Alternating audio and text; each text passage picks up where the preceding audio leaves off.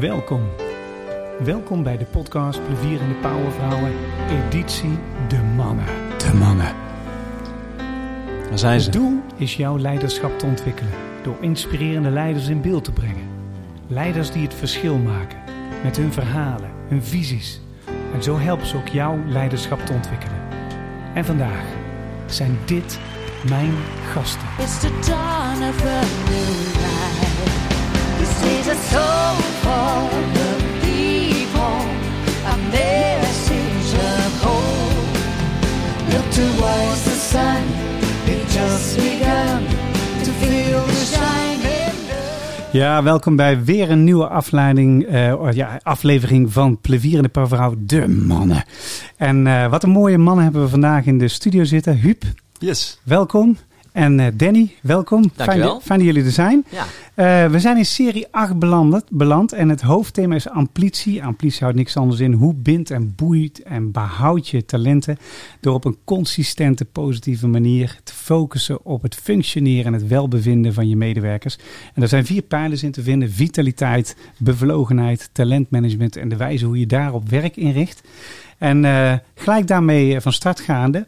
ehm, ja, deze, deze tijd is heel challenging. Hè? Eh, er, er gebeuren heel veel dingen in een hoog tempo.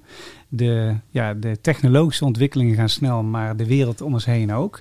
Heeft een grote impact op eh, werk. Heeft een grote impact hoe talenten werk kunnen vinden, maar ook hoe ze tegen werk aankijken. Hm.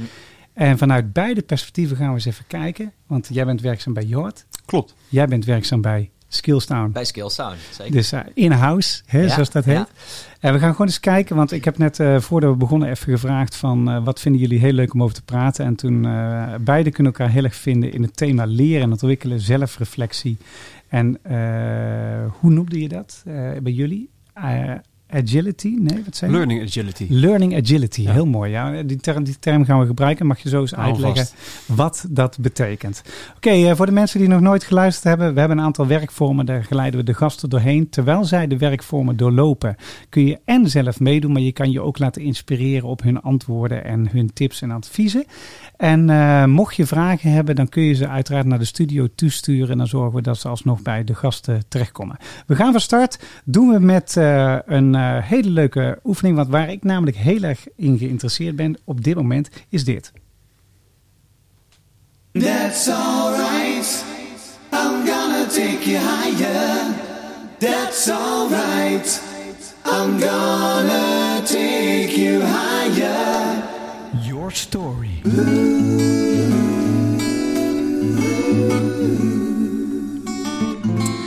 Ja, en we kleden de Yo Stories even anders in. Dus uh, ik heb van beide gasten een Guilty Pleasure song gekregen. Uh, van Huub heb ik gekregen uh, Kiss van MGMT. Klopt. en, en ik heb How to Save a Life gekregen van, van jou, Danny. Ja, van The Fray. Ja. Ja, uh, dat is ook heel leuk, want ik dacht, de Frey, daar, ken ik ergens van. We, we, gaan gewoon jullie eens voorstellen en uh, we luisteren een stukje van het nummer. En dan vervolgens ben ik heel benieuwd, wie ben je en wat is jouw story? Ja? Kijk eens. Ik uh, begin gewoon bij jou, Kids, MGMT. Laten we eens luisteren.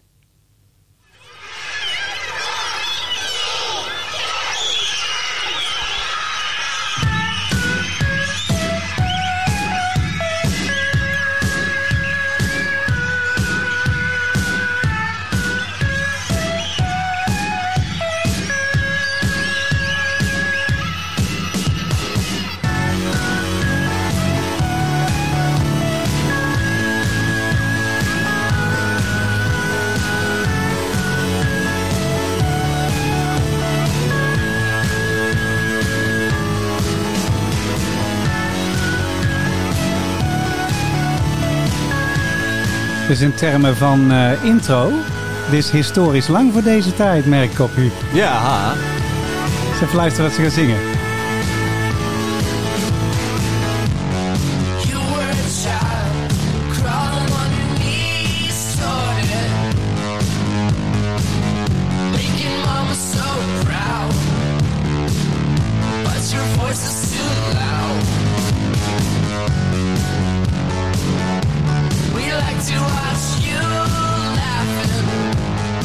Hele vette song, joh. Ja.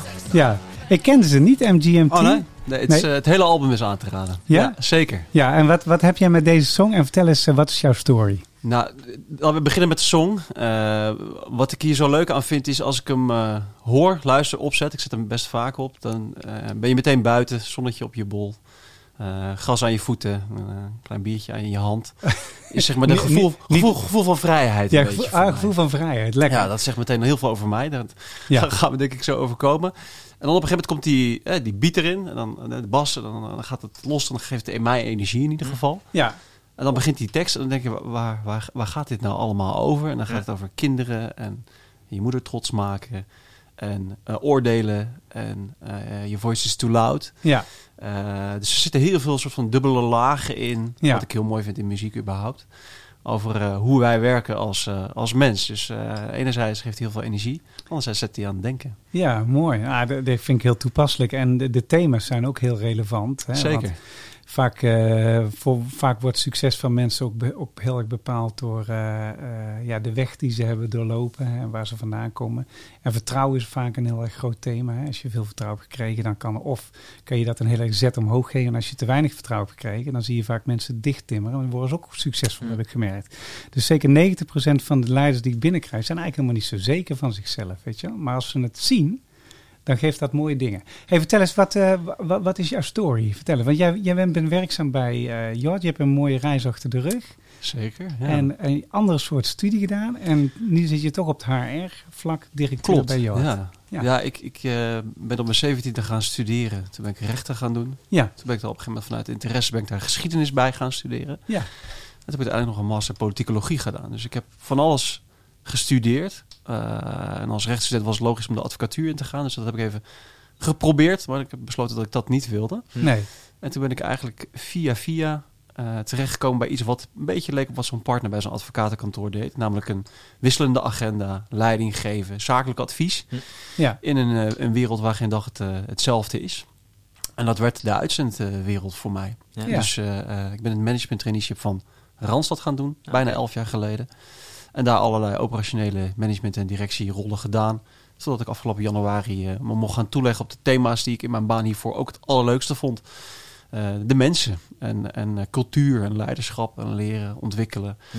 Om daar meer mee, eh, mee aan de slag te gaan voor de hele organisatie. En was dat ook het, het switchpoint in de advocatuur, dat je dat te weinig, dat dat te weinig erin zat, de variatie en de, Ja. mensgerichte en dat soort dingen? Ja, zeker de variatie. Dat had misschien ook te maken met de plek waar ik werkte en de precieze baan die ik had. Hè. Dus het was voor mij inderdaad wat eentonig. Veel achter de computer. En nou, het duurde echt een aantal jaar voordat je volledig iets zelfstandig mocht doen. Hm. En, Ja. mis- en misschien ook wel kon doen. Misschien zei dat ook iets over de aard van de werkzaamheden. Ja, Ehm, en dan was er vaak wel één gebaand pad. Eh, en dat, dat benauwt mij een beetje. Dus het is misschien weer een brug naar het nummer wat mijn gevoel van Vrijheid. vrijheid of autonomie. Ja. Eh, wat ik heel belangrijk vind. En wat ik zoek zowel in mijn werk als, als, als ook Ja. wel privé. Dat je een bepaalde mate van eigen regelruimte hebt. ja, ja. Hey, wist, je dat, eh, wist je dat al tijdens je studie? Je zegt 17 toen je ging studeren. dat is ja jong inderdaad. Relatief hè? jong. Ja, je leeft heel jong. Eh, rechten. Eh, Ja. Dan heb je daar waarschijnlijk een bepaald beeld bij hè, van hoe je pad gaat worden. Wist je toen ook eigenlijk al dat je juist die mens zo interessant vond? Of ben je daar later Nee. pas achter gekomen?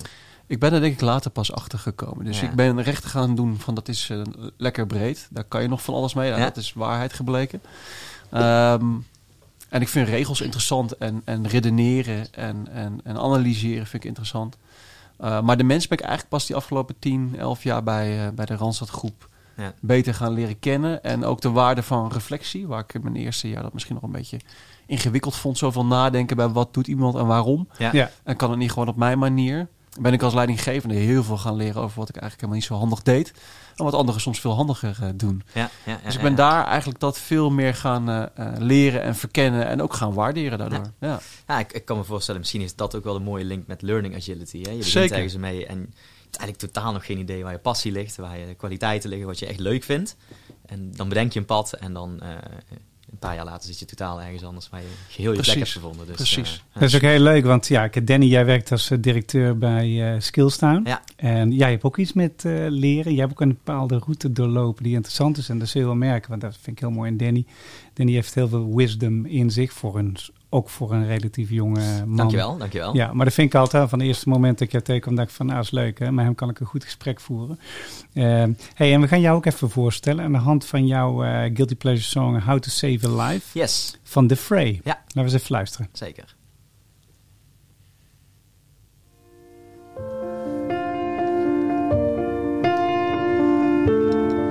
Step one, you say we need to talk. He walks, you say sit down, it's just talk. Smiles politely back at you. You stare politely right on through some sort of window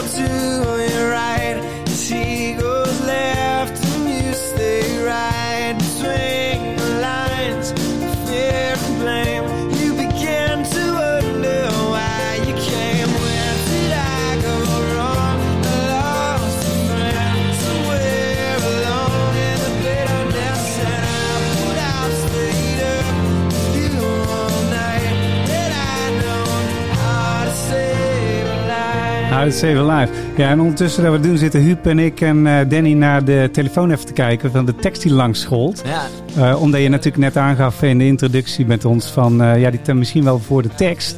Maar het is inderdaad, een, dit vertelt wel een verhaal, zeg maar. ja, zeker. Het is een andere vibe, denk ik, dan het, het eerste nummer. En je vroeg me, hè, de Guilty Pleasure song. Ik, ik gaf het net ook al aan van, ja, ik heb niet per se meteen een gevoel bij bepaalde nummers. Maar als ik dit nummer hoor, dan wel altijd. Eh, misschien vertelt dat ook wel iets. Hè. Ik, ik heb psychologie gestudeerd. Eh, dat vond ik altijd heel interessant. Eigenlijk het idee om eh, klinische neuropsychologie te gaan doen. Nou, ik kan jou ook wel een beetje de hand schudden. Ik begon met bedrijfseconomie, met het idee, ik heb geen idee wat ik wil gaan Ja, ja. doen. Dus dat is lekker breed. En ja, dan kom je totaal ergens anders terecht. En de reden waarom ik de tekst denk ik zo mooi vind, is omdat ik eh, nou, best wel wat vrienden heb. En de tekst gaat een beetje hè, over hè, how to save a life. Hoe kun je iemand eh, als vriend, als, als familie eh, de juiste pad opsturen. Als zij misschien andere keuzes ingaan. Ja, en dan blijkt dat je kan natuurlijk niet iemand anders redden als ze dat zelf niet willen. Of, nou, die associatie heb ik er dan altijd bij vanuit Ja. Eh, nou, een aantal eh, dingen die, die mij bijstaan. Eh, dus daar, ja, daar, dat, dat pakt mij dan altijd wel. Ja. Nou, ik vind dat, daar raakt mij ook wel. Want ik had afgelopen drie weken heb ik een aantal mensen verloren. Een aantal waren eh ouder, zoals mijn oom, die was 95. Die is gewoon ingeslapen. De moeder van een vriendin, 83. Nou, dat is ook nog wel een respectabele leeftijd. Maar ook de zoon van een van mijn beste vrienden was verongelukt, 27 jaar. En ehm, dan, dan, dan, wat ik realiseerde in, in die periode van de afgelopen week van eh, leven is best wel kwetsbaar. Hè? Dat is ook een beetje in VUCA, hè? vulnerable ja. en uncertain en complex Ja. en ambiguity, weet je wel. Eh, het is on- onzeker waar het heen gaat. En soms word je met je neus op de feiten gedrukt van, ja, weet je wel, eh, soms hebben mensen ook een route alleen te maken, weet Hm. je wel. En soms moet je ze dat ook gunnen.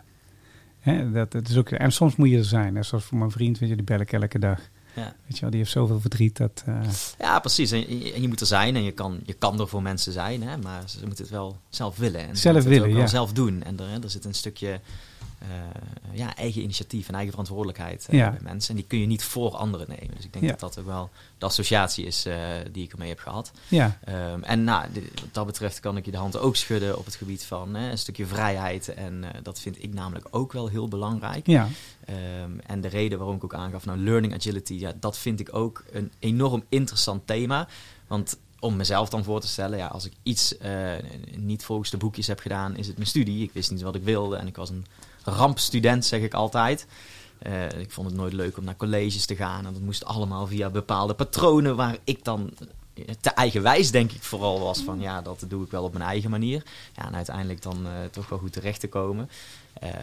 Waardoor ik het bedrijf waar ik werk en de dingen die ik doe ook wel echt, ja, daar ligt vanuit persoonlijke interesse ook wel mijn ambitie om dus mensen te laten leren, mensen te laten ontwikkelen, eh, maar wel op een eigen manier. Dus dat, eh, dat is denk ik mijn link daar wel mee. Ja. Zou je dus een vergelijking kunnen trekken wat als mensen nou eigenlijk niet willen leren? Hoe gaat dat dan volgens jou?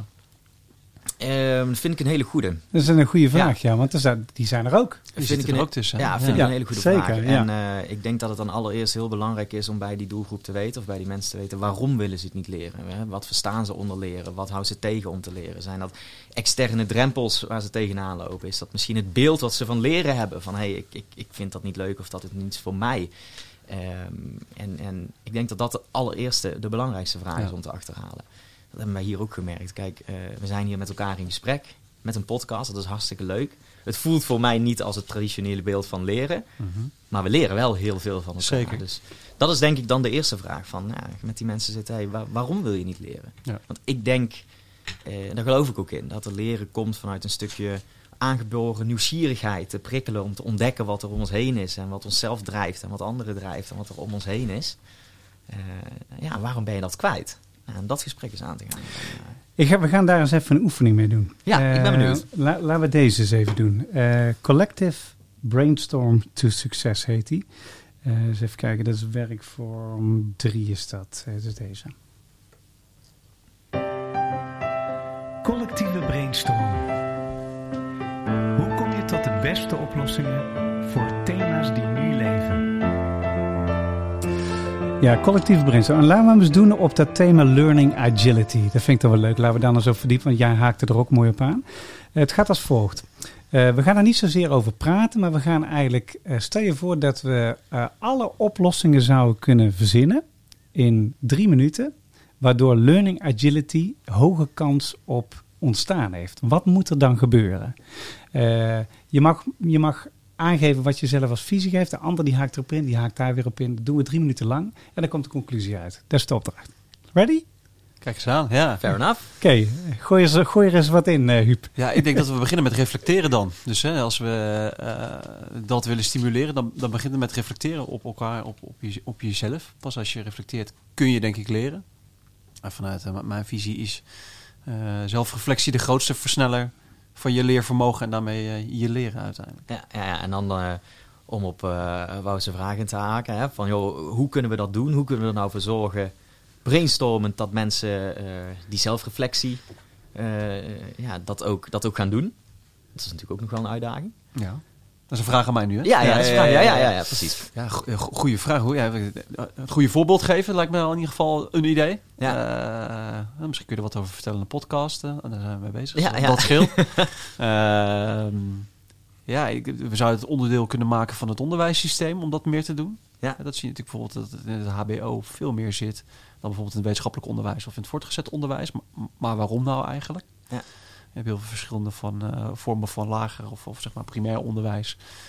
Waar dat ook wel aan de orde komt en sommige wat minder. Nou, ik denk als we dat gewoon meer onderdeel daarvan zouden maken, zou iedereen dat ook wat meer eerder leren, zoals ik dat pas later in mijn carrière heb geleerd. Ja, dat, eh, ik denk dat het dan een goede is. Eh, wat misschien ook wel een mooi zou zijn om ze verplichte spiegel voor te houden. Een letterlijke spiegel voor te houden. Ja. Dat je gewoon eens verplicht met of je docent of je collega's gewoon eens echt in de spiegel gaat kijken. Want als het om zelfreflectie gaat, eh, ja, dat ligt misschien ook... eh, het is eng, hè? het is eh, spannend, want je moet jezelf gaan eh, beoordelen. Of je, Blootgeven. Je, je blootgeven. Je moet gaan nadenken over jezelf. En het is makkelijker om dat van een ander te doen. Zeker. Eh, nou, en jezelf letterlijk in de spiegel kijken, ja, dat, eh, dan word je geconfronteerd daarmee. Ja. Ja, en, en vaak, mensen vinden het wel eng hè? en eh, zullen in eerste instantie zeggen, ik weet het niet, maar vaak weten mensen meer dan, eh, dan ze denken. Ook bij anderen. Ja. Vaak kun je bij anderen best wel inschatten, daar is hij goed in, daar is hij minder goed in. Ja. Maar door het vaker te doen, worden we misschien ook, komen we misschien ook wel eens sneller een beetje dichter bij onszelf.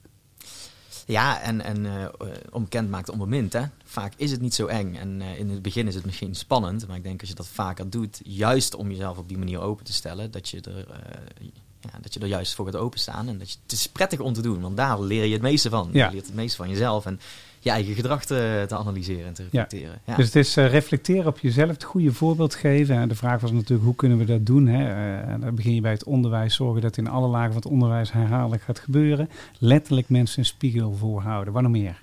Ja, ik denk in de dagelijkse praktijk, de manier waarop we met elkaar samenwerken, kun je dat ook gewoon inbouwen. Hè? Of dat nou een, eh, een weekstart of een retro of wat voor soort termen we daar ook voor verzinnen is. Ja, het standaard met elkaar even terugkijken en, en even reflecteren op jezelf en op elkaar als team. eh, Ik denk dat dat hartstikke goed is. Ja. En niet altijd overal gebeurt. Nee. En, en daarover denk ik ook dat het heel belangrijk is om mensen. eh, Dat, dat, dat we meer zouden moeten stilstaan van: hé, hey, wat is leren nou eigenlijk? Gewoon de vraag überhaupt: wat is leren nou eigenlijk? En ik denk dat dat ook wel een beetje bij. eh, nou, als we het koppelen aan het thema van zelfreflectie. Om daarna de volksvraag te stellen: van hey, wat wil jij leren? Of wil je niet meer leren? En waarom wil je dat niet doen? Ja. Dus om veel meer de waarom-vraag te stellen. En mensen bewust te maken van het feit eh, dat of leren belangrijk is, of Ja. dat zelfreflectie een belangrijk punt is, maar ook wat het nou eigenlijk is. Precies. En waarom het ook leuk is. Ja, en, en, en waarom het leuk is en hoe we het leuk kunnen Ja. maken en wat, er, eh, wat de verschillen daarin zijn. Ik denk dat dat een hele belangrijke is in het kader van learning agility. Als je, als je algemeen zou zeggen, hè, want dan haak ik even op dit stukje in. hè. Mm. Ehm, ehm, als je mensen, want niet iedereen vindt leren leuk, tenminste dat zeggen ze. Hè. ja, dat zeggen ze. dat zeggen ik ben, ze, het, ja. ben het met die stellingen eigenlijk niet eens. Nee, want het, ik, dat, dat is ook gelijk mijn punt. Want ik denk, ik denk dat er een strategie is om iedereen aan het leren te krijgen. Het zij het goede voorbeeld geven, het zij mensen stimuleren om, het zij laten zien dat, er, dat het werk daardoor makkelijker gaat, of de verbinding groter, of eh, het resultaat groter, of de verbinding mooier, of whatever. Als er ergens in het brein een plusje ontstaat, een hele lange plus zeg maar, Mhm. waarvan ze denken, oh shit man, maar dit wil ik wel. En de pijn van hetzelfde blijven wordt groter Mhm. het zijn nu in deze situatie alles zo snel gaat, is er een achterstand in 21st century skills. Weet je wel? Heel veel mensen lopen achter, weten ze nog niet, maar ze lopen echt achter. Hm. Weet je wel? Dan gaat echt frictie geven. En vaak geeft frictie ook beweging. Dat is ook een manier. Hè? Ja. Maar eh, ik, ik wil even, heel even terug Ja, op wat jij net ja. zei. Want je zegt. Leren is niet leuk. Hè? Ik hoor het jou net zeggen. Wij gebruiken... Nou, ik zeg niet dat leren niet Nee, leuk nee, nee. is. hè, maar ik, Jij maar- vindt leren niet leuk, dat zei je. Ik vind, Nee. ja, ja, zeg- ik vind leren superleuk. Ik zeg niet dat het je mening is, hè, maar Ja. het- wij gebruiken die term eh, ook wel eens, eh, hè, die zin ook wel eens om eh, dat aan te tonen. Van ja, veel mensen vinden leren niet leuk. En ik hoor jou heel sterk zeggen, nou, ik ben het er niet mee eens. Ja. Ik ook niet, ik vind dat heel mooi. Leg eens uit, hoe, Maar, maar ook eh, een aanvulling erop, er zijn ook heel veel budgetten ervoor die niet gebruikt worden. Ja, Weet je wel? klopt, Of ja. aan het einde in één keer gaan ze maar noodgedwongen iets Ja. doen zonder, weet je wel? ja, ja, Ja, dit dat. Komt, komt eigenlijk eh, door dezelfde ervaring die jij ook hebt opgedaan, is mijn mening. Dus hè, het schoolsysteem zoals we dat hadden, past op een gegeven moment niet bij jou. En dat associëren sommige mensen met leren. ja, Ja. En ik vind, eh, dat is 10% van het leren. hè. De, de klassieke 70-20-10 regeling van 70% leer je eigenlijk in je dagelijkse werk of dagelijkse bezigheden. 20% leer je in reflectie door groep, door interactie met anderen daarover. Ja. En 10% doe je in misschien klassikale trainingen en Ja, dergelijke. formelere eh, settings. Formelere settings. En die vinden veel mensen niet leuk. Dat geloof ik ook wel. En dat is ook niet altijd leuk. En soms is dat superleuk. Ehm, maar ik denk dat die associatie met die formele setting maakt dat sommige mensen zeggen: ja, ik wil niet leren, want die associëren het daarmee. En diezelfde mensen, als ze een nieuwe laptop krijgen of een nieuwe telefoon gaan gebruiken, vinden het onwijs leuk om nieuwe dingen te leren. Ja, Dus ik, ik denk dat de stelling is dat wij als mensen, anders waren we hier niet gezeten in zo'n podcaststudio, het heel leuk vinden om nieuwe dingen uit te proberen en te leren. Hm. Alleen eh, de, de, de traditie die wij van een, een school eromheen hebben bedacht, dat dat sommige mensen minder past. Ja, ja hier in de vorige podcast zat Teun Alberts, eh, die werkt bij een bedrijf. Dan maken ze via gamification, zetten ze mensen Ja, aan tot goede gedragingen, zeg maar. En die noemde voorbeelden op waar het heel moeilijk was om gedrag te beïnvloeden. Maar door een spel van te maken, hier in één keer Ja. alle mensen erin mee, weet je wel. Ja. Dus, Ja. dat is natuurlijk super cool. Ja, nee, dat, dat is al overal om ons heen. Ja, Hè, dus juist het feit dat we met die, eh, met die telefoon, zeg maar, dat we er nauwelijks vanaf komen, is omdat daar zoveel mechanismes in zitten die ons verleiden om het meer te doen. En ja, Ja. het is heel mooi als je dat ten positieve in kan zetten. ja, dat betekent dus eigenlijk ook dat we eh, mensen moeten verleiden tot Ja. leren. Ja, Hm. ja, dus je hebt inderdaad van je, je 21st century skills eh, gaan er aan onderdoor als je je niet inzet. Dat is een beetje de burning platform Ja. gedachte van eh, hoe urgent te veel doen. Ja. Maar je kan het ook de andere kant op eh, beredeneren van we zouden ze kunnen verleiden om, Ja. om, om, om, Ja. om, om meer te leren. Ik ben overigens daar wel voorstander voor, hoor, want eh, ik ben gewoon voorstander voor amplitie in algemene zin. Dat heb ik heb mijn hele leven gedaan. Gewoon vanuit de positieve kant gewoon bericht, be- belichten en laten zien dat het echt leuk is om te doen. Gewoon, weet Ja. je wel. Gewoon, Dus Ja. het, het- het- de zin moet misschien veranderen en van joh, het beeld wat we hebben van leren is Ja. niet leuk. Ja. Ja. Het gaat niet om het leren, het gaat puur om onze narrow mindset eigenlijk die we hebben als wij denken aan leren, als de, de, de, de grote massa denkt aan leren. Ja. Ja. ja, Ja. dat is wel mooi. Hey, dus dan hebben we eh, dus eh, reflecteren op jezelf, goede voorbeeld geven, eh, het onderwijssysteem anders inzetten, dat het meer consistent gaat terugkomen, dat mensen eraan gewend Ja. raken. Letterlijk mensen ook in het dagelijks leven herhaaldelijk een spiegel voorhouden. De dagelijkse gang van zaken ook met mensen terugkijken. Wat zijn je successen geweest? Waar heb je dingen fout gemaakt? Wat leer je ervan? Waar, waar Mhm. gaan we de komende week anders doen? Maar ook het verdiepen op het waarom van leren. Waarom doen we het eigenlijk? En waarom is het eigenlijk leuk om te leren? En wat is de definitie ook van leren? Ja. Het herdefiniëren van dat kader rondom leren. En mensen verleiden Ja. om, om naar dat nieuwe beeld toe te bewegen. Nog iets meer. Laatste, laatste 20 seconden. Ja, ik, ik denk dat wat ook heel belangrijk is, is zeker als leidinggevende, maar met elkaar een veilige setting creëren Ja. om te leren. Dus, dus je gebruikt het woord fout al. Dat vinden we als mensen helemaal niet leuk om fouten te maken. Ik ook niet. Maar als we het zien als experimenten waarin het juist goed is om iets te proberen wat niet lukt, zodat je weer eens wat anders kan proberen. Ik denk dat daar zit ook echt wel een sleutel. Ja, stel je voor je zou het faciliteren door net zoals sommige bedrijven 20% tijd te geven om gewoon eens wat eh, te klooien. Ja, ja, daar zijn we nu een experiment eh, mee Ah. aan het doen. Om te zeggen, je krijgt twee uur per dag om aan iets te sleutelen voor de lange termijn, wat jij belangrijk vindt. En dan is het Ja. even telefoon uit, laptop, alle taken even weg. Alles voor de korte termijn mag daarna weer. Ja, En je bent even niet bereikbaar, je mag jij per dag twee uur. En dan zie je echt mensen eh bevlogener raken, Ja. productiever worden. Ja, mooi hoor. Eh, dus het is ja, bizar wat we met elkaar hebben gecreëerd eigenlijk, waardoor je dit het afgeleid raakt van dingen die je belangrijk vindt. ja, gaaf. Dus dat klooien werkt dus. Ja, Ja. En tegen mensen zeggen van, hey, je mag gewoon lekker klooien. Dat moet leuk zijn, weet je wel. Dat, Ja. eh, dat Ja. is een hele leuke manier om te leren, toch? Gewoon aanklooien. Ja, ja, ja, Ja. heel leuk, ja. En ja. effectief ook. Dus ik geloof ook dat een soort van als, als die kaders weg zijn van een Ja. toets halen en zo, dat je dingen gaat doen waar jij zelf graag in wil groeien en waar jij wel mee aan de slag wil.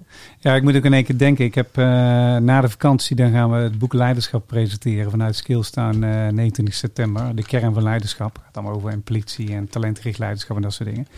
Maar daar hebben we ook een werkvorm in die ik met eh, mijn partner van de Slim Show heb verzonnen. Waarin we met eh, twee professionele muzikanten muziek gaan maken met publiek. Oh. En dan letterlijk from scratch. Dus er zitten mensen, zeker te weten in het publiek, die denken: ik kan niet zingen, ik kan niet museren, ik heb geen verstand van muziek, eh et cetera. Maar binnen 2,5, 3 uur komt er een professionele radioklare song uit. Weet Ja. je wel? En ze hebben de, de ritmiek bepaald, ze hebben de baslijn bepaald, ze hebben de tekst gemaakt. Ze hebben de, nou, en er zitten wel heel goede producers bij die ze geleiden, zeg maar. Maar toch, aan het einde denkt iedereen, dit was gaaf. Ja, dit is tof. Weet je wel? Omdat elke vorm van overtuiging over muziek maken, dat je niet muzikaal bent, als je erin gaat, die Ja. gaat het doen, blijkt in één keer dat je toch iets kan. Ja, dat is een heel mooi voorbeeld eigenlijk van hoe je mensen heel praktisch laat zien wat een growth mindset kan doen voor je. hè. Dus de fixed mindset is dan even van ik ben niet muzikaal of ik kan dit Ja. niet. Of weet je, iedereen heeft natuurlijk wel zijn aannames over zichzelf wat hij allemaal niet kan. Ja, Maar stiekem is heel veel eh, te leren. heel veel te leren, dat is absoluut waar. Hey, dat is wel een mooie conclusie. Ik denk, ik denk dat dit wel goede oplossingen zijn voor eh, learning als we, agility. Als we dit nou gewoon uitvoeren, dan komen we er wel, toch? Ja. Daar komen we er zeker. Of een heel, heel eind. Ja, een heel uit. Oké, la- laten we eens even kijken naar dit. Spin the Box. Spin de Een baas. leuke spel waarbij we inkijk krijgen op de leiders van deze tijd.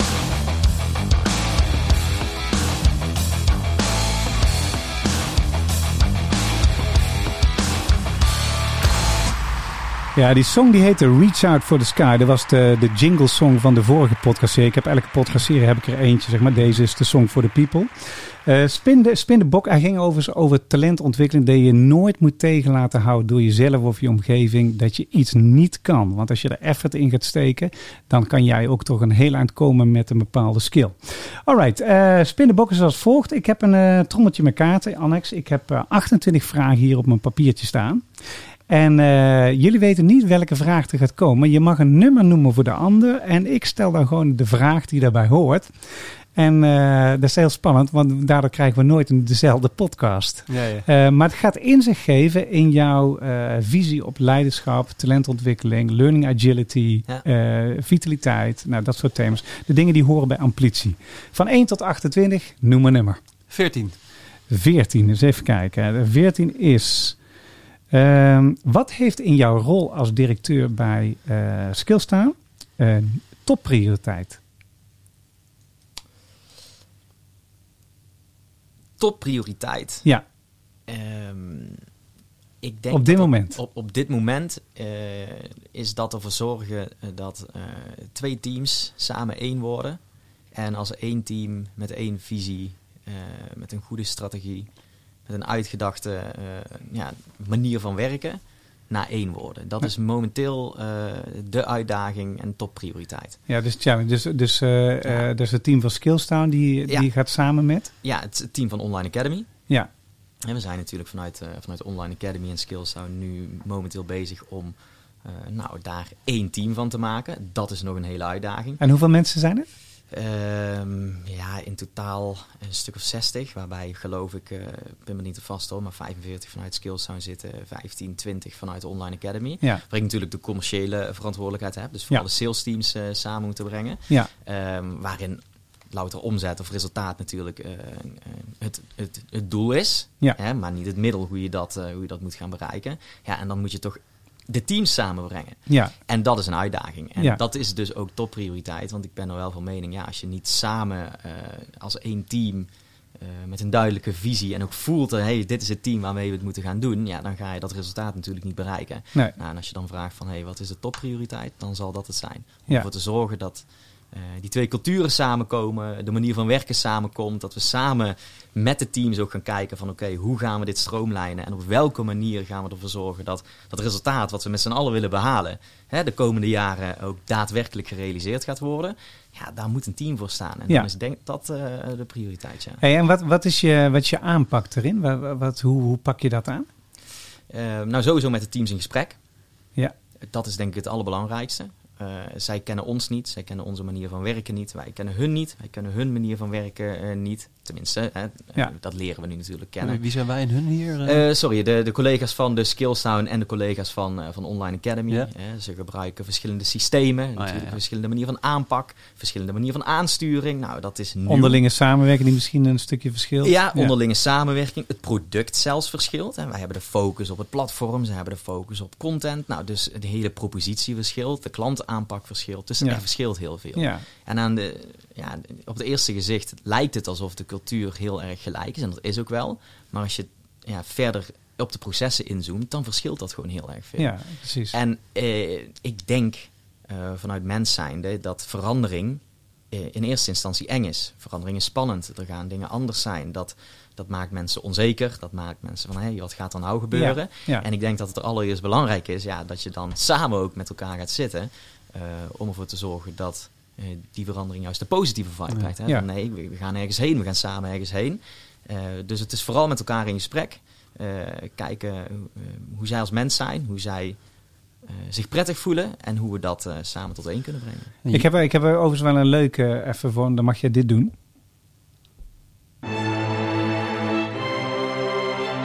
Doe even. Spannend, eh. Spannend, hè? Ja, dat is heel spannend. Ja.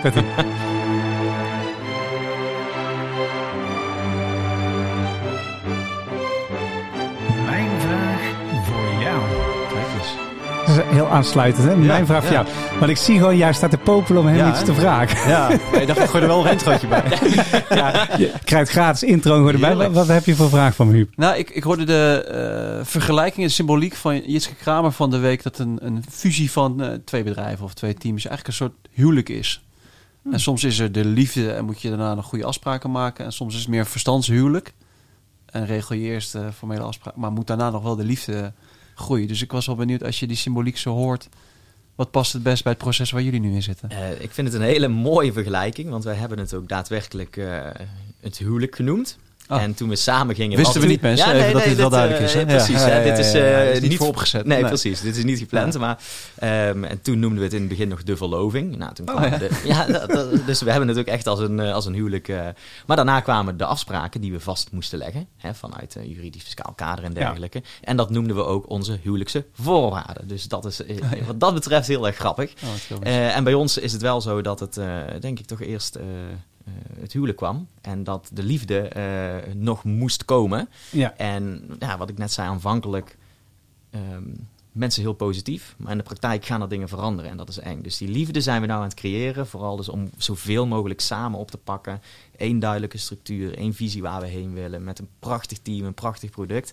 En dat Mee dus bezig. de liefde aan het Romantisch creëren zijn. verliefd muziek wordt nu afgespeeld op Zelfs Siri reageert erop. eh.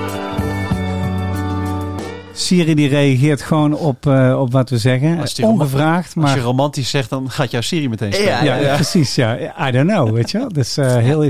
Maar inderdaad, dus, dus de structuur wordt gemaakt en de rituelen en de gedragingen die vormen zich nou gaandeweg, begrijp ik eh, Ja. uit jou. eh, Ja. ja. Ja, precies. En Ja. eh, we hebben er allemaal heel veel zin in. Heb je ook een bruiloftsfeest gedaan? Ehm, nou ja, ja, zeker. Nou, een verlovingsfeest. Ja. Dan, eh, ja, ja, zeker. Dus we Wat zijn, goed, we zijn hier, eh, want dat vinden we ook wel belangrijk. Eh, kijk, het is, het is een groeiend team, maar het is nog wel een klein team. En als iets belangrijk is, is elkaar gewoon te zien. Ja, hè, wij komen, de meeste collega's hier komen uit Brabant op streken. Daar was het toch vanuit Hilversum, dat ligt anders. Maar juist, je ziet elkaar niet dagelijks. En ook met coronatijd, je ziet elkaar niet dagelijks. Dus wij zijn hier samengekomen met alle collega's. Eh, en daar hebben we een hele dag besteed aan eh, eh, ja, letterlijk samenwerken. Gewoon samen zijn, samenwerken, elkaar leren kennen. ja. Tot aan de borrel tot... ik geloof dat het bij ons 12 uur s'nachts werd. En dat we nog een enkeling samen ook drie, vier uur s'nachts hebben gemaakt. Nou, ja.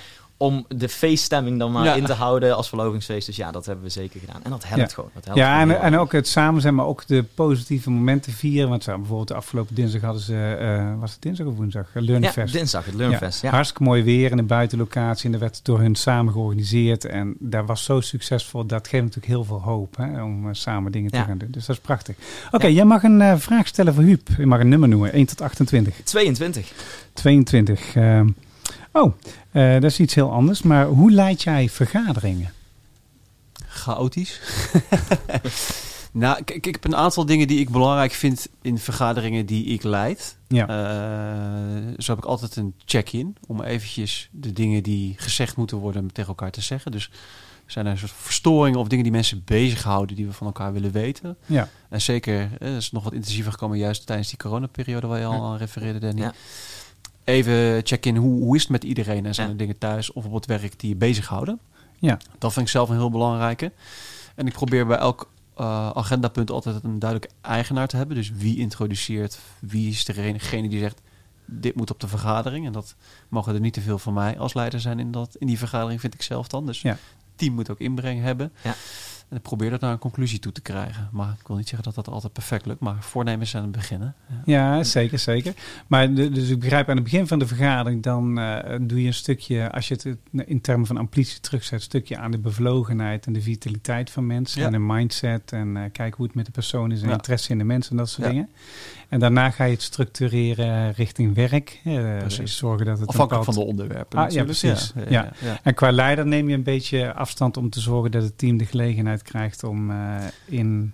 Nou, ik moet eerlijk zeggen dat hoe ik het de laatste tijd organiseer, is dat ik eh, dat leiden van die vergadering ook roleer. Dus ik doe de een, en dan doet een Ja. ander doet de een, dan doet een volgende doet Ja. de een. Om, En waarom doe je dat eigenlijk? nou, A, omdat ik ook soms gewoon wel mee wil doen. En B, omdat het ook het eigenaarschap vergroot van anderen over de agenda, wat we met elkaar bespreken en wat we met elkaar besluiten. Oh ja, mooi, mooi Huub. Dus het, Ja. is, het is een manier om, om, om anderen ook eh, nou, het podium op te krijgen, maar Ja. ook eh, nog, nog intensiever te betrekken eigenlijk. Me- Merk je verschil? Werkt het? Ja, ja. dus het, is, het, het- het meest praktische wat je direct merkt is iemand die een eh, vergadering gaat leiden, die weet wat er besproken gaat worden. Dus Ja. Dat, dat, dat is gewoon een andere mindset Ja. waarmee je naar een vergadering van een ander komt dan van jezelf. Dus eh, doordat zeg maar eens in de, nou, in mijn team eh, met haar business partners zijn bijvoorbeeld vier, vijf mensen. Eens in de vijf, zes keer dat jij aan de beurt bent, je doet je ook weer even nadenken over wat is nu belangrijk, wat wil ik bespreken. Ja, en ik kan me ook voorstellen als je het een keer hebt gedaan en het is eh, best wel veel werk en eh et cetera, dat je de volgende keer als je binnenkomt, dat je snapt, hé, die ander gaat er nou ja, doen. precies. Ik ga wel even zorgen dat ik hem ga helpen, want begrip. oh, die. Betrokkenheid, ja. Ja, ik vind het een heel mooi, eh, heel mooi initiatief. Ja, ik ook. Ja. Ja, Ja. En super. Is ook een soort, soort vorm van amplitie eigenlijk die je Ja. dan doet. Hè? Ja, ja, dat is, is ook een manier om daarmee om te gaan. Zeker. Ja, denk ja. zeker. Hey, en ik, ik heb ook nog wel een vraag, eh, want je, refereert net zelf ook al aan corona. Dus ik ben heel benieuwd eh, de vergaderingen eh, in, in termen van wat doe je digitaal, wanneer kom je bij elkaar? Ja. Eh, is daar ook een structuur in of hoe ga je daarmee om? Die is er, maar, maar eh, laten we het even voor de organisatie waar ik nu werk, is, is de Randstad Groep. Ja. En wij zijn overgegaan van het hybride werken, eh, van thuiswerken naar hybride werken, naar het noemen wij het, het beste werken. Waarin je eigenlijk per taak kijkt en per persoon kijkt en per dag kijkt. Wat heb ik nodig en wat wil ik zelf graag? Ja, mooi. Hè, dus wat hebben we primair? Mijn klanten nodig. Dat zijn maar onze kandidaten die aan het werk geholpen worden. Het zijn klanten voor je personeel zoeken natuurlijk. Ja. Eh, maar daarna, wat heb ik zelf en wat hebben wij als team nodig? En dan Ja. betekent voor sommige collega's dat ze heel veel kantoor zijn. Maar voor sommigen dat ze heel veel thuis zijn. Ja. En vervolgens als team maak je daar ook samen afspraken over. En zo hebben wij bijvoorbeeld afgesproken dat we elke week drie kwartier digitaal met elkaar eh, eh, vergaderen. Eh, vanochtend gedaan om, om, om negen uur weer. Maar dat we eens in de vier weken iets meer tijd nemen, maar elkaar dan heel graag live willen ontmoeten. Ja, ja, dat is ook gaaf. Dus je, je spreekt met elkaar zeg maar een, eh, een vorm af waar, eh, waar Ja. iedereen weet van, we, we- het is, ja, voor Ja. iedereen is het geschikt. En uiteindelijk heb je een stukje verbinding bij elkaar, maar ook Ja. op afstand voor de mensen die... eh, Ja, waar- waarbij, waarbij ik wel altijd, dat doe ik eigenlijk met alles wat ik besluit met het team, zeg, nou dat is dan een experiment en dan gaan we dat proberen. En Ja. na zes vergaderingen zijn we zes maanden verder. Maar dan weet je het wel. Dan evalueren we dat. Ja. Dat vind ik heel mooi. Ja. Ik, ik heb een vriend die zegt altijd, eh, als het werkt is het waar. Als het niet werkt is het niet waar. Of nog niet waar. Of Ja, niet ja. langer waar. en dan moet je uitzoeken wat de route wordt. Dus ik, Ja, ik, ben, ik vind het helemaal te gek. Ja. Hey, eh, nieuwe vraag voor onze Danny. Nummer één. Nummer 1. Eén. Oh, eens eens. even kijken. Ben ik wel benieuwd wat er op één staat. eh, die hebben we nog... Oh, die hebben we nooit? Nog, nee, die hebben we nog nooit gehad. Primeurtje nu dus. Unicum. Eh, wat zijn jouw eh, twee favoriete boeken? eh, mijn twee favoriete boeken. Ja, Goh. Ehm, die echt impact of impressie bij je, bij je hebben nagelaten. eh, nou, dan moet ik toch bekennen dat ik heel weinig boeken lees. eh, Ja. Ik kan me de laatste keer niet herinneren dat ik een boek heb gelezen. Ja, of een, een digitaal document, een e-book of... Ehm, nou, daar moet ik even over, eh, over nadenken. Ehm, ik vond het boek eh, van meneer Kaneman erg interessant.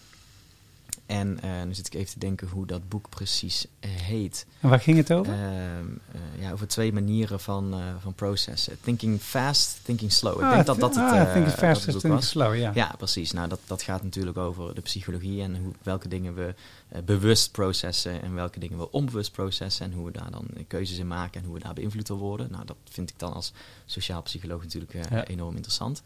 Ehm, en ik heb een, eh, een boek gelezen over Psychology of Negotiation. Eh, ik weet de term niet meer. Oh, eh, sorry, de titel eh, van het boek weet ik niet meer precies, maar het ging dus helemaal over de psychologie van economisch keuzes maken en hoe we daardoor beïnvloed worden. Ja. Ja, en dat gebruik ik natuurlijk in mijn dagelijkse leven, maar je ziet het overal terugkomen. Mhm. Eh, en ehm, ik, ik heb nog nooit zo'n ja, bijna één op één verband gezien tussen wetenschappelijke principes en wat je dagelijks in de praktijk Ja, terugziet. En grappig. dat vond ik wel een hele interessante. Die Ja, blijft me bij. Ja. Daar haal ik ook heel veel praktische voorbeelden nog uit als het gaat om hoe je gesprekken voert, of hoe je mensen mee moet krijgen, of hoe je juist met conflicten moet omgaan, of hoe je de klant jouw beweging eh, op moet laten komen. Dus, eh, Gun je, gun je in algemene zin eh, mensen een beetje meer psychologisch inzicht? Hè? Dus ze hebben wel eens gezegd van als je mensen aan leren zet en je doet het volgens methodes of systemen, dan haakt maar een bepaald gedeelte aan. Maar ga je ze uitleggen hoe het brein werkt, dan haakt bijna iedereen aan. Want iedereen is geïnteresseerd van hoe, hoe werkt dat dan? Ehm, de meeste mensen denk ik wel. Eh, vooral ook omdat het onbekend is. Het is heel onbekend terrein. Het brein sowieso is Ja. heel onbekend terrein. En eh, wat, wat ik daar wel eens in terugzie, en dat gebruik ik ook vaak als voorbeeld, is hoe processen in de brein werken. En heel Ja. veel mensen hebben geen idee dat alles wat we hier doen, eh, de gesprekken die we voeren, eh, de muziek die je afspeelt, eh, de voorbeelden die je noemt, hoe het bij elkaar zit, wat onze houding is, letterlijk alles is natuurlijk bewust terug te zien, maar dat maakt ook onbewust. ja, er gebeurt van alles in dat brein. En Ja. als je daar wat van weet, dat verklaart heel veel over gedrag. Dat verklaart heel veel over hoe we als mens zijn. Eh, maar maar een heel klein deel is daar natuurlijk mee bezig. En als je Ja. mensen daarin triggert, ja, ik merk wel dat, dat mensen dat interessant vinden. Van Ja. oké, hoe werkt die? eh, hoe Ja, je ziet het ook bij, eh, bij mensen zoals Erik Scherder. Daar wordt altijd heel Ja. gefascineerd naar geluisterd. Of bijvoorbeeld eh, de Rijksuniversiteit van Amsterdam volgens mij. Die hebben allemaal van die eh, centrale sessies met hele interessante wetenschappelijke verklaringen hoe gedragingen werken. En dan zie je Mhm. altijd mensen zo van eh, heel gefascineerd. Hoe werkt dit? Ja. Ja, daar zijn we toch in geïnteresseerd. Ja. Oké, eh, vraag terug voor Huub. Eh, dan ga ik voor 28. Ik denk 28, dat, is de een mooie, laatste. eh, dat is een mooie de eerste en de laatste. Hey, wat, is, wat is jouw stijl van leiding geven en wat is daar goed en minder goed aan? Ja, dat zou je natuurlijk eigenlijk anderen moeten vragen, maar eh, die zijn er niet, dus dan ga ik het proberen. In het kader van, eh van zelfreflectie. In het kader hè? van Ja, de ja, ja, heel zelfreflectie. Ja, ik denk dat ik een combinatie heb van, van sterke mensgerichtheid en sterke resultaatgerichtheid. Dus eh, dat, dat zie je denk ik ook alweer terug in die vergaderingen die ik net eh, aanhaalde. Dus ik denk heel erg na over wat werkt voor de mensen met wie ik werk en hoe kan ik ze beter maken. Dus voor mij is voor leiderschap, zeg maar, anderen beter maken een heel belangrijk thema. Eh, een van de boeken die bij mij naar binnen schoot, want dat doe ik toch automatisch. Als je dan die vraag van een ander hoort, dat je daarna denkt, Ja. is eh, eh, multipliers. Dus how leaders make others smarter. Wat heel erg gaat over hoe kun je nou als leider anderen in hun, nou, in hun beste zelf krijgen, zodat ze beter gaan presteren en meer leren ontwikkelen. Dat vind ik een hele belangrijke eh, taak die je hebt als, als, als leider, wat ik probeer te doen en waar ik eh, zelf in wil leren en groeien. En een andere is ja, wel resultaatgericht. En ik ben zelf niet zo sterk in gedisciplineerd procesmatig bijvoorbeeld eh, alles doen. Hè. Dus wat ik zeg, een beetje chaotisch met vergaderingen. Ik ben niet iemand die gedisciplineerd alle kaders uittekent en dat constant laat terugkomen. Dus ik hou van inspireren en irriteren. En Ik hou van verbinden, maar ik hou bijvoorbeeld niet zo van eh, Routinematig. routinematig, Nee. van, van, van controle. Ja. Eh, En heb je daar een manier van, heb je mensen in je team die dat zeg maar compenseren of dat je het weg kan delegeren of Zeker. misschien iemand extern waar je het neer kan leggen? Ja. Bijvoorbeeld, ik moet gelijk denken aan toen mijn vrouw en ik trouwden. Toen gingen we op een gegeven moment verhuizen naar een groter huis en dan krijg je in één keer meer eh, ballast hè, van wat er moet gebeuren. Ja. En toen zei mijn vrouw die zegt van, eh, jij doet de tuin en dan doe ik, eh, nou ik zeg maar, de goeie koken. Ik doe eh, wassen, maar jij moet strijken. Dus op een gegeven moment ziet ze mij naar beneden lopen met een hele grote wasmand. Met allemaal kleren erin, van twee weken kleren, want we allemaal kleine kindjes destijds en Mhm. zo. Toen zei ze, waar ga jij heen? Ja, ik zeg, ga naar strijkservice Rosmalen. Eh strijkservice Rosmalen? Ja, die strijkt dat allemaal voor eh 25 euro weg. Dus ik, eh, ja, ik ga dat even wegbrengen. Dus dan, dan kon ik het ophalen in silofaantjes en op haakjes en zo. Maar dat scheelde mij namelijk 2,5, 3 uur strijken. Ja. Dus ik, eh, ik heb dat weggedelegeerd, zeg maar. Maar heb je, doe je dat met eh, dit soort dingen ook als leider zijn, zijnde? Ja, het is wel grappig, want ik dacht dus dat, dat het ging over je vrouw die dingen wegdelegeerde. Maar het ging over daarna wat, over wat jij wegdelegeerde. Ja, ja, ja, ja. ja. Dat kan trouwens ook. Ja, dat Want- kan. Ja, ja, want- ja, ja. want dat doet mijn ik ga me niet eh, laten verleiden om hier mijn vrouw... eh, Nee, nee, nee, nee, ik ook niet. Want eh, mijn vrouw die luistert getrouw mijn podcast. Dus dat moet ik niet doen. Hopen we wel natuurlijk. Beetje oppassen wat je zegt dan. we wel eh. natuurlijk. Nee, ja, zeker. Ik bedoel, ik denk dat, dat juist zelfinzicht en reflectie je helpt om ook niet alles te hoeven willen. Dus Nee, het is precies. alleen maar goed om na te denken hoe kan ik het effectiever organiseren voor mezelf en voor anderen door anderen te betrekken. En ehm, eh, ik heb ook wel tijdens mijn carrière momenten gehad waarin ik eh, door de bijvoorbeeld privé situaties ook wel anderen meer moest betrekken. En dan leer je ook dat dat soms zelfs wel beter gaat naar A dan je dacht. Ja. Maar misschien ben je dan ook wel dan het ging als je dat meer loslaat en andere ruimte geeft. En je deelt die ruimte dus. Ja, dan, dan, dan, dan word je een sterker team uiteindelijk. Ja.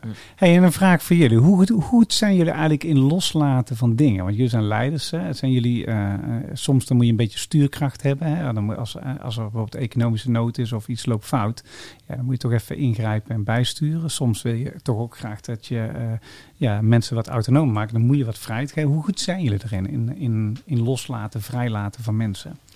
Ehm, ook dat zou je aan anderen moeten vragen. Ja. Maar eh, ik denk dat ik daar best wel goed in ben. Ja. Ik kan eh, heel makkelijk dingen van me afschuiven. En dat is ook belangrijk, want je kan niet alles zelf, moet je niet zelf willen. En Ja. je moet er ook op vertrouwen dat de mensen in je team het kunnen. Ja, Ik merk wel wanneer het eh, een, een enorme potentie of enorm belangrijk wordt geacht. Ja, dat ik dan toch wel nog gaat- ergens daar de regie over wil hebben. Dat Ja. is misschien wel een valkuil. dat herken ik Eh, trouwens ook wel. ja. Dat doe ik ook. Ja. Dus, eh, dus dan, dan komt het toch nog af en toe grote aanbestedingen of dergelijke. eh, weet je wel, dat, dat in het begin ik het loslaat. En dan uiteindelijk er dat dan toch nog iets van wil vinden en mijn eigen draai eraan wil geven. Dus, maar voor- over het algemeen denk ik dat ik, er redelijk, dat ik het redelijk kan. Ja. ja, mooi, mooi. En jij, Huub?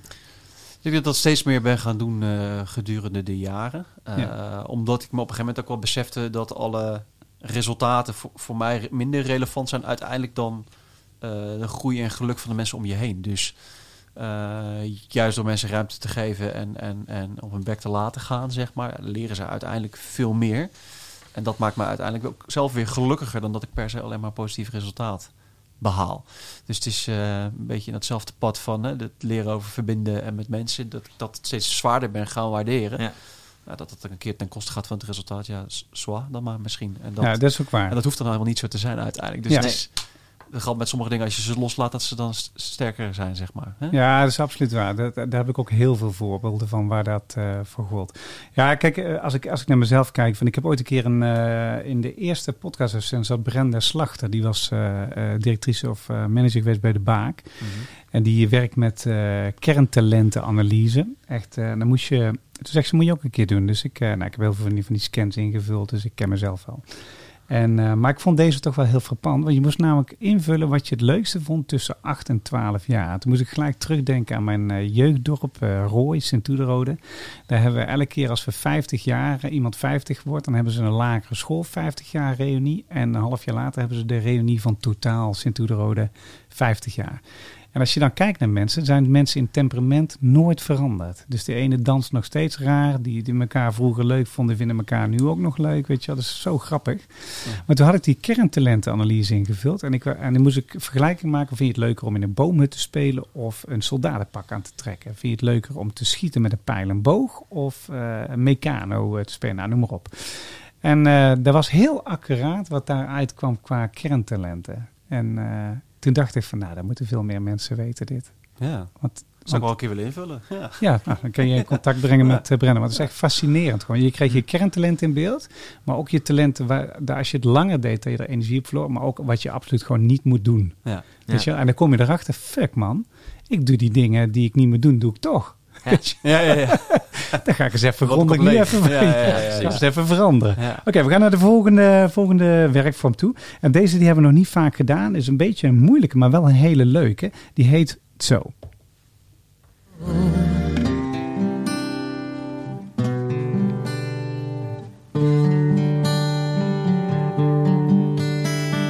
Positive change. Positive change.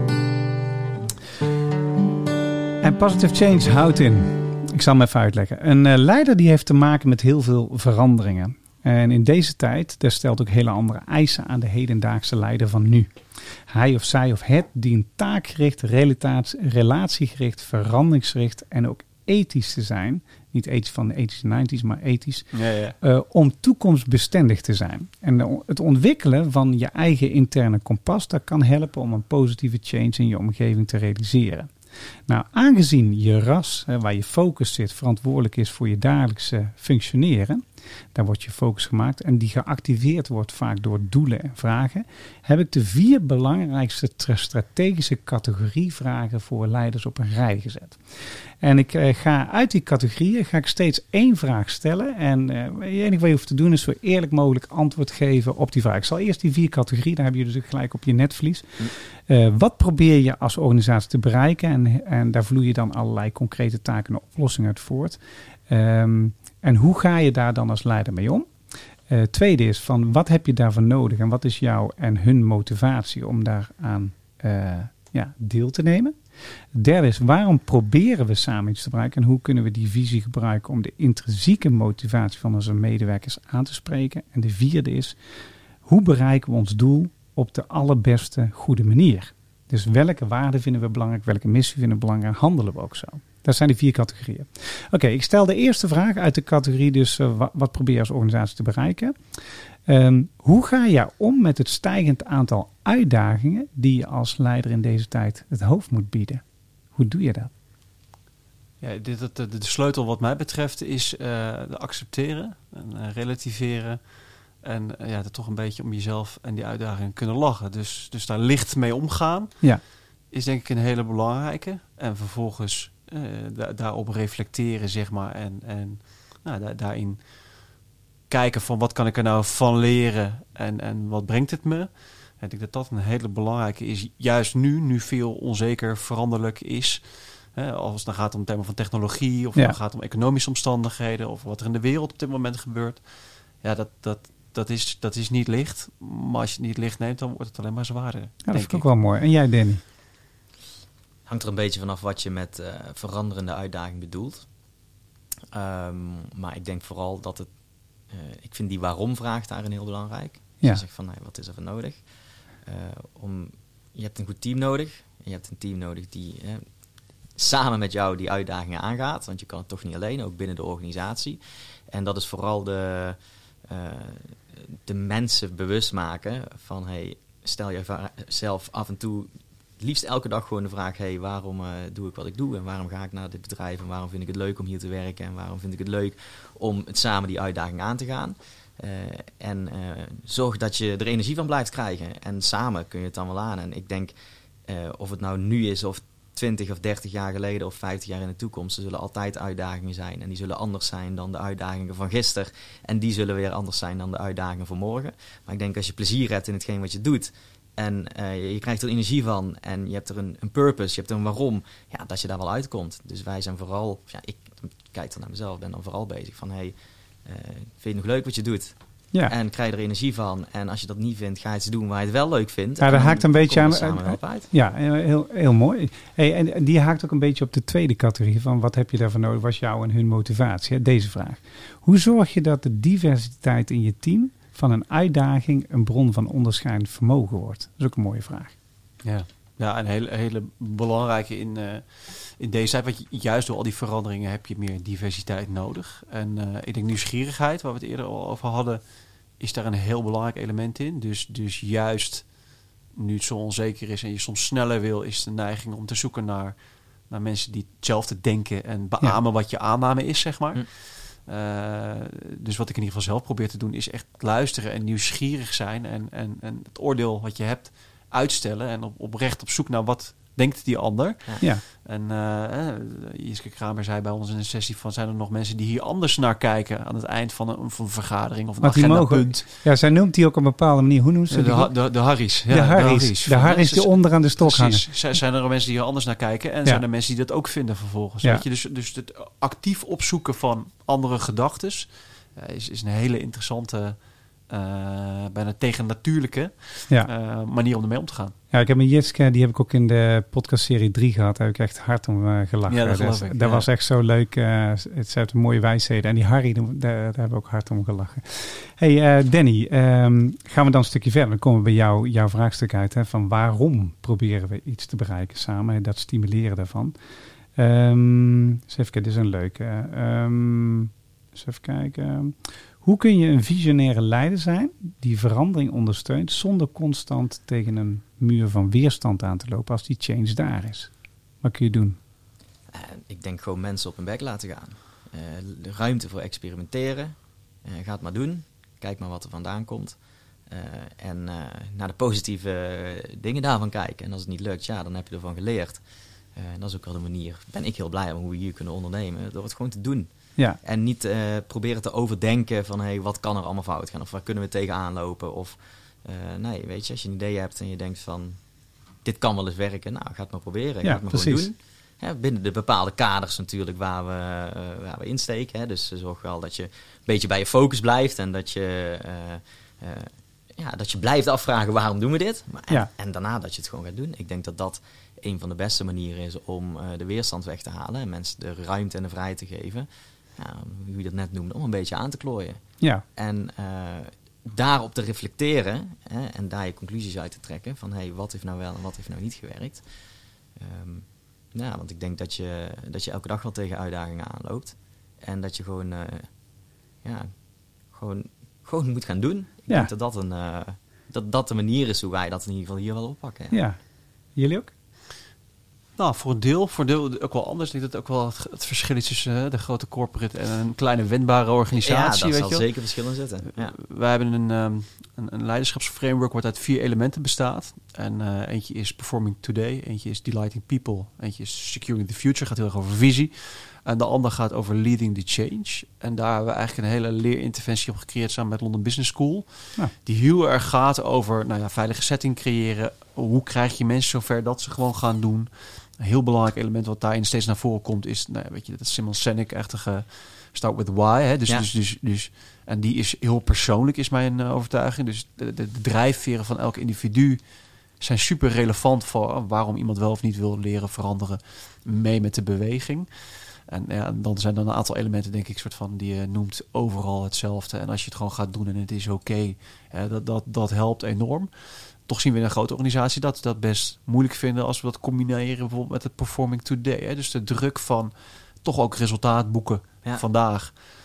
Maar het ook op een andere manier willen doen leren. Weet je, dat, dat is wel een snijvlak. Daar zijn we mee aan de slag. En daar blijven we mee aan de slag. Omdat dat elkaar soms in de staart eh, lijkt te bijten. Wa- Wat, Ja.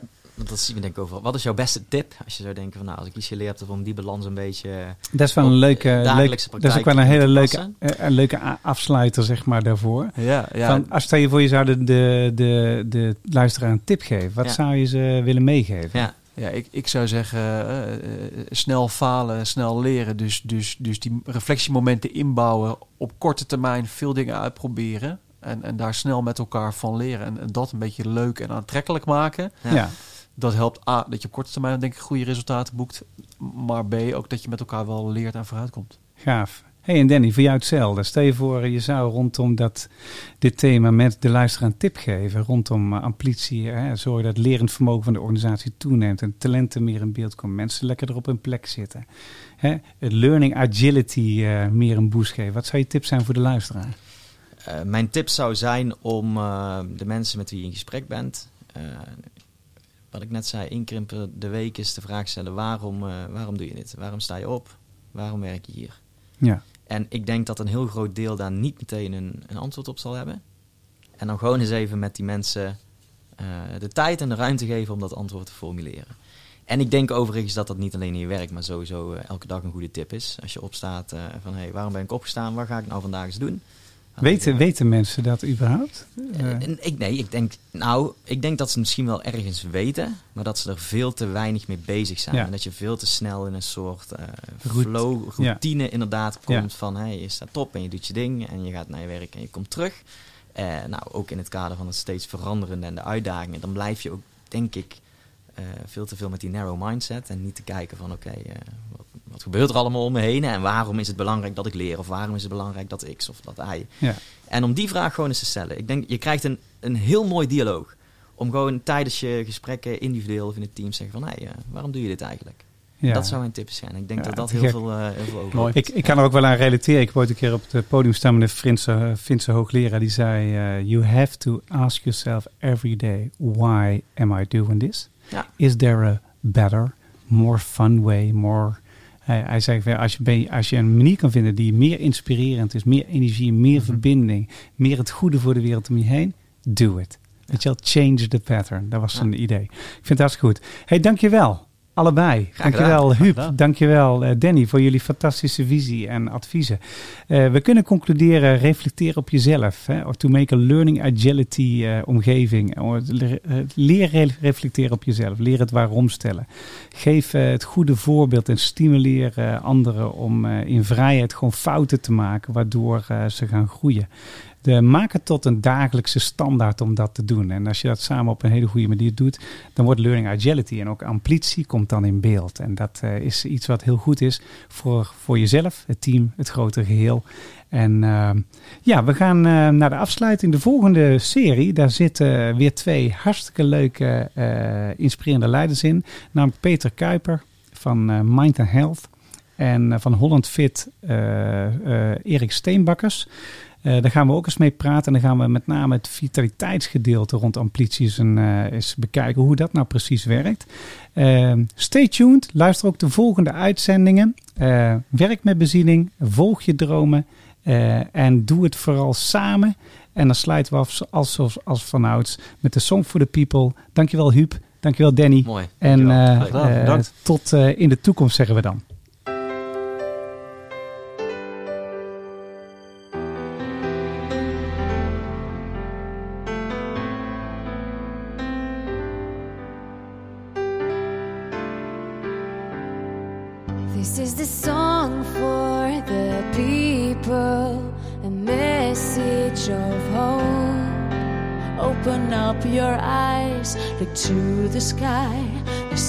Sun will shine